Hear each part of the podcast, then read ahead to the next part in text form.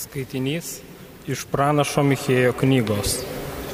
Viešpatie, savo lasda ganyk savo tautą, avis nuo savasias gyvenančias vienas dikiniai, derlingo šalies vidury. Te vėl jos ganysis bašane ir gileadę kaip kadaise, kaip dienomis, kada tu vedėjai iš Egipto, leisk, išvy, leisk mums išvysti tavo stebuklų. Kas jei ne tu yra Dievas, kuris kaltę atleidžia ir nusižengimą dovanoja likučiams tautos, kuri jo paveldėta. Ne visągi laiką tęsti supykęs, jis mėgsta parodyti gailestingumą. Ir vėl jis mūsų pasigailės, užminios mūsų kaltybę, visas mūsų nuodėmės jūros gelmės nesumesi, parodysi ištikimybę Jokūbui ir gailestingumą Abraomui, kaip tiems mūsų protėviams esi prisiekęs kadaise. Tai Dievo žodis. Dėkojame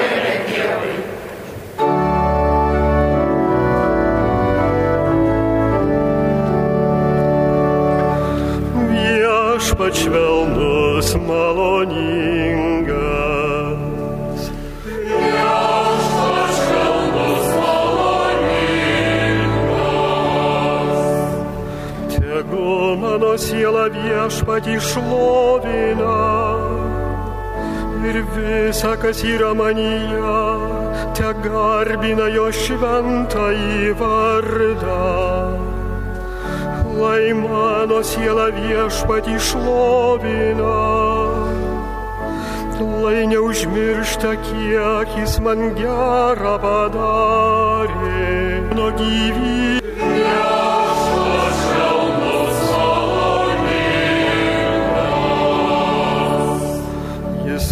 Visas kaltes dovanoja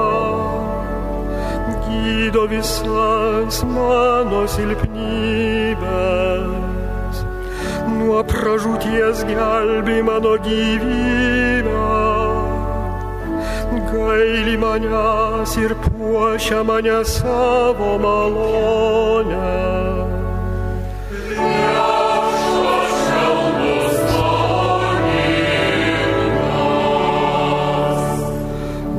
visą laiką jis baras, neamžinai jis iširdęs, ne pagal mūsų kaltybės mums moka, nebaudžia mūsų kiek verti esame.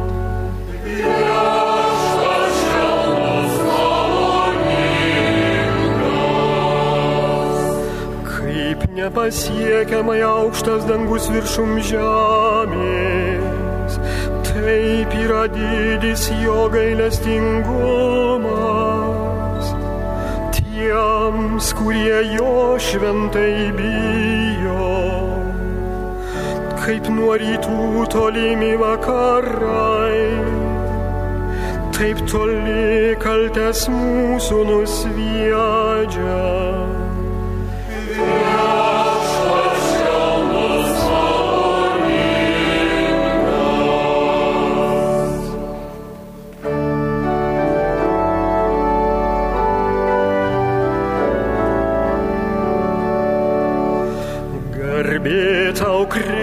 sky.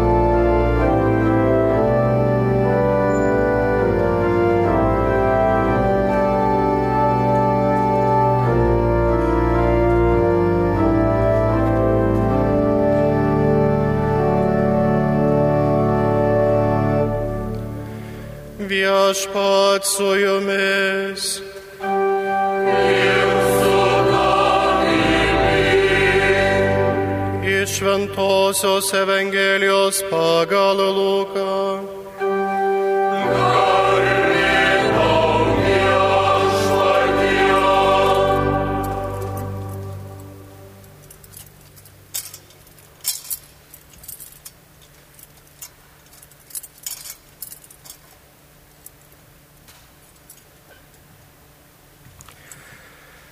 Anuo metu pas Jėzų rinkdavosi visokie muitininkai ir nusidėjėliai jo pasiklausyti.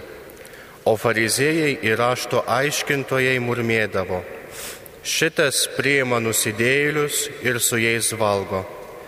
Tuomet Jėzus pasakė jiems palyginimą. Vienas žmogus turėjo du sūnus. Kartą jaunesnysis tarė tėvui, tėve, atiduok man priklausančią palikimo dalį. Tėvas padalijo sunums turtą. Netrukus jaunelis, susijėmė savo dalį, iškeliavo į tolimą šalį. Ten palaidai gyvendamas išeikvojo savo lobį. Kai viską išleido, toje šalyje kilo baisus badas ir jis pradėjo stokoti. Tada nuėjo pas vieną šalies gyventoją ir stojo jam tarnauti. Tasai jį pasiuntė į laukus keulių ganyti.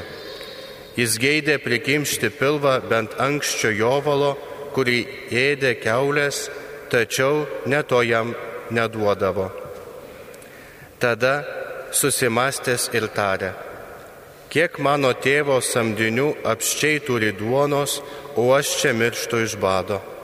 Kelsiuos, eisiu pas tėvą ir sakysiu, tėve, nusidėjau dangui ir tau, nesu vertas vadintis tavo sunumi, priimk mane bent samdiniu.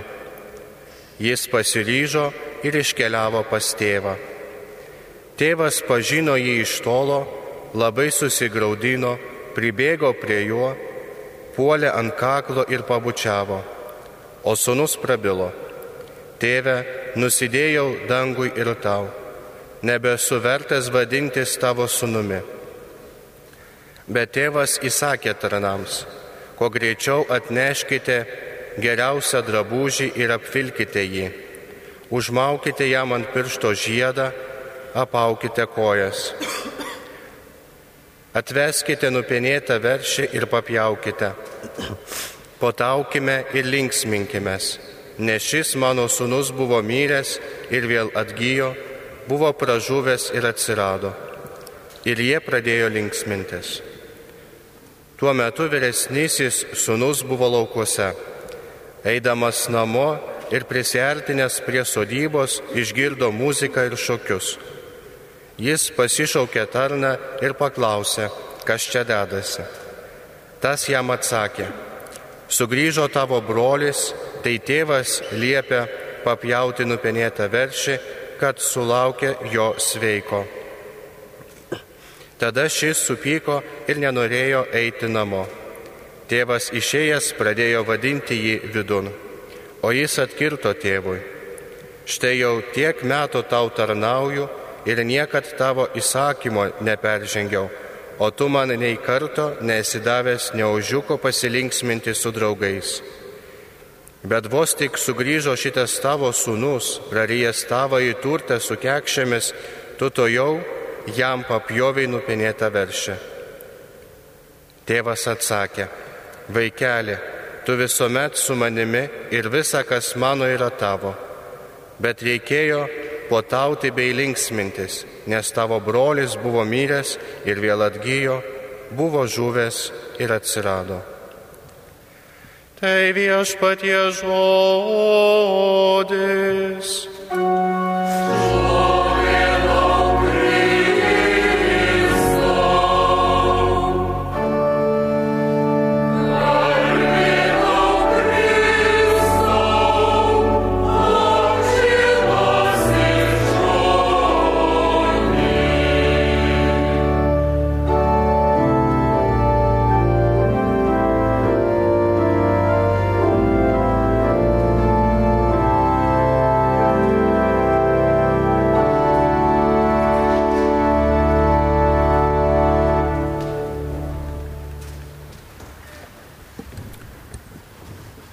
Bažnyčia mums moko, kad kai girdime skaitinius liturgijos metu, tai yra Dievo žodis.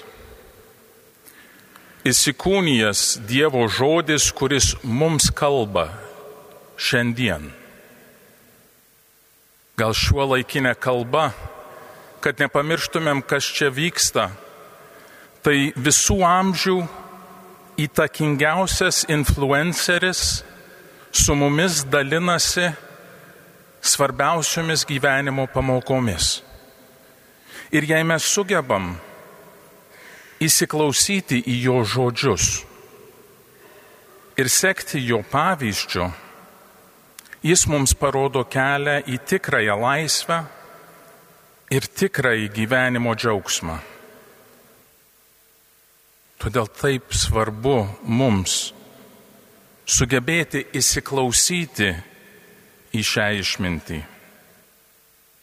Pirmajam skaitinyje iš pranašo Michėjaus girdime viešpatie savo lasda ganyk savo tautą, avis nuo savasias, gyvenančias vienas dykiniai, derlingos šalies vidury kaip dienomis, kada tu vedei iš Egipto, leisk išvysti tavo stebuklus. Ir toliau mums primena, kad tas pats Dievas mėgsta parodyti gailestingumą. Ir vėl jis mūsų pasigailės, užminios mūsų kaltybę, visas mūsų nuodėmės jūros gelmėse sumesi. Ši išganimo istorija, tas išvedimas iš Egipto didžiais stebuklingais ženklais yra kartojamas kasmet. Visi turim įsiklausyti, kas įvyko Dievo tautoje ir kaip Dievas veikia. Tauta, kur atsirado Egipto vergyjoje, didžiuliais stebuklais išvesta iš nelaisvės per Raudonąją jūrą. Vėliau Dievo įstatymai duoti jai ant Sinajaus kalno, nurodant, kaip gyventi laisvėje. Bet dar toliau toj sunkioj kelionėje tauta pradėjo murmėti. Ir Dievas į savo gailestingumo dar davė jiems stebuklų. Maitino ir davė vandens iš akmens. Bet tai buvo ilga ir sunki kelionė pro dykumą. Mes liturgiškai kiekvieną Velyknaktį tą išgyvenam naujai, todėl kad yra taip svarbu, kad mes įsisavintumėm šitą Dievo veikimą. Visa gavėne yra dvasinė kelionė išgyventi tą išėjimą iš nelaisvės į pažadėtą žemę. Bet svarbu pastebėti, kad žmonės ir tada nusisuko nuo Dievo ir grįžo prie savo nuodėmių. Pamiršo to galingo Dievo gailestingumą. Bet gavėnios kelias yra priminti mums, kad ir mes, kaip ir kiekvienų mišių pradžioje prisimenam, kad ir mes vėl nusidėjome. Nėra nei vieno kam nereikia atsiversti. Ir mums tai primena gyvenimo kelias. Kas kart naujos baimės, išgyventa pandemija, karai, klimato, ekonomikos ir asmeninės krizės primena mums mūsų silpnybę ir Dievo galybę, jo išganimo jėgą.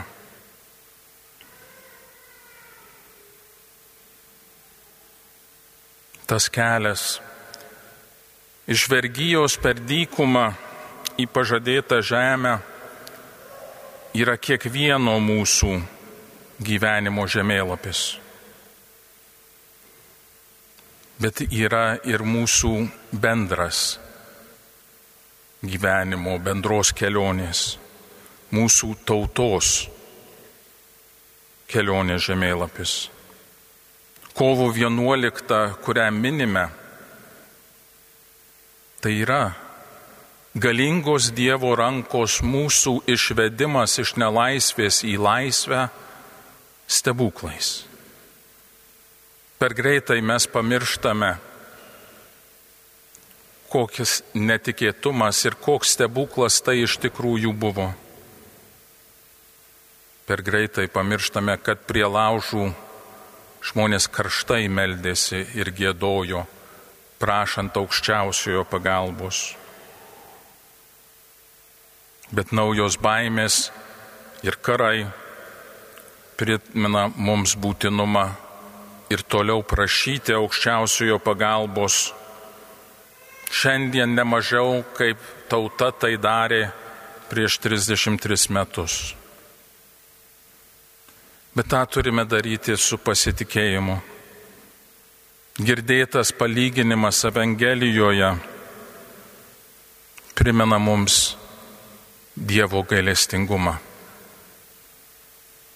Pristatytas ir sūnus palaidūnas, ir sūnus, kuris liko namuose, bet svarbiausiai tas tėvas, kuris neprarado vilties ir neprarado meilės nei vienam iš savo vaikų. Tai liūdija Dievo santykiai su mumis, gailestingojo tėvo, kuris nori išvesti savo vaikus iš jų asmeninės vergyjos pančių. Mūsų asmeniniam gyvenime, mūsų tikėjimo gyvenime tas santykis su gailestingojo tėvo yra taip svarbus. Mes irgi esame vienas ar kitas iš tų sūnų. Kartais mes esame tas sūnus siekiantis savanaudiškumo, siekiantis savo įsivaizduotos laisvės. Kartais Mes esam tas sūnus tėvo namuose,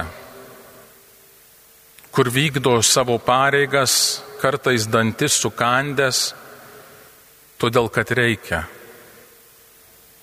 bet nepatyrę tėvo meilės, todėl kad nesugeba jos matyti. Dievas ir kiekviena iš mūsų šiandien kviečia į tą meilės santykį su juo, tam, kad jis galėtų mus išvesti į laisvę. Ir ne tik mūsų asmeniniuose gyvenimuose, bet ir mūsų tautos gyvenime. Mes turim tų sūnų, tokių pavyzdžių. Sūnus palaidūnas kuris savanaudiškai naudoja mūsų žemės ir visuomenės gerybės, tenkinti savo norus ir geidulius ir seka paskui juos. Nori paimti savo dalį paveldo, išeikvodamas juos savo poreikiams ir norams. Ir tai padaryti nėra būtina išvykti į tolimą šalį. Tautoje tą galima daryti ir namuose. Nesiryšta tarnauti ir aukotis už visuomenę ar tėvynę. Yra ir tų sūnų, kurie lieka namuose, bet sukandęs dantis atidirbs tą, ką reikia iš pareigos. bet praranda savo gyvenimo džiaugsmą. Neturi meilės tėviniai. Bet ir tėvynė, kaip tas gailestingasis tėvas, nori suburti visus savo vaikus. Nori, kad pajustumėm tą džiaugsmą, kai tėvynės meilė dega mūsų širdyse.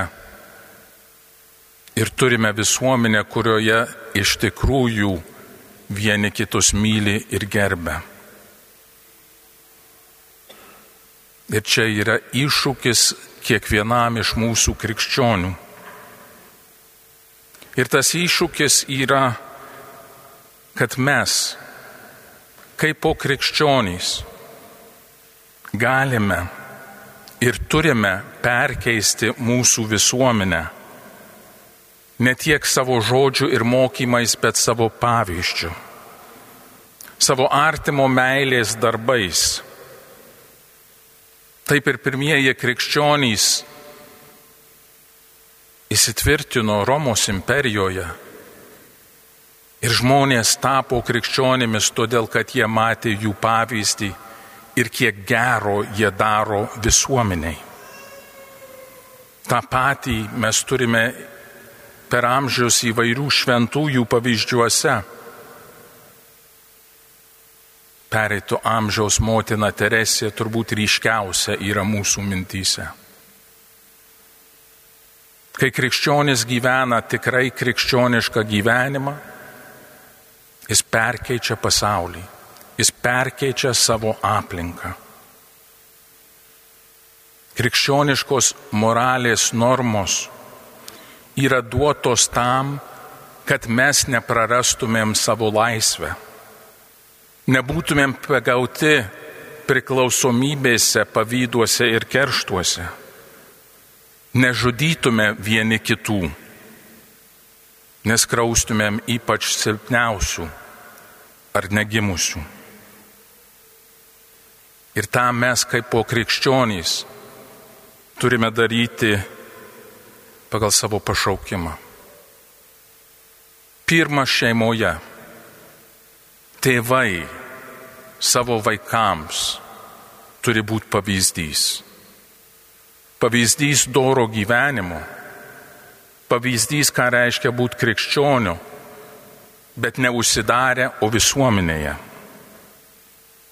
Krikščionys savo veikloje, ar tai būtų politikoje ar versle, valstybės ar visuomenės tarnyboje, medikai ir mokytojai, ką jie bedarytų, jei krikščionys savo krikščioniško gyvenimo pavyzdžio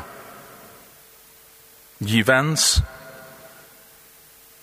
formuos visuomenę ir užtikrins, kad gyvenime gyvendami mes einame tikrosios laisvės keliu. Broliai ir seserys gavę laisvės dovaną, darbuokimės savo asmeniniu ir visuomeniniu pavyzdžiu, ją užtikrinti ateities kartoms. Lai tai būna mūsų pasiryžimas susirinkus minėti tą didžiulę laisvės dovaną, kurią gavome kovo 11. Amen.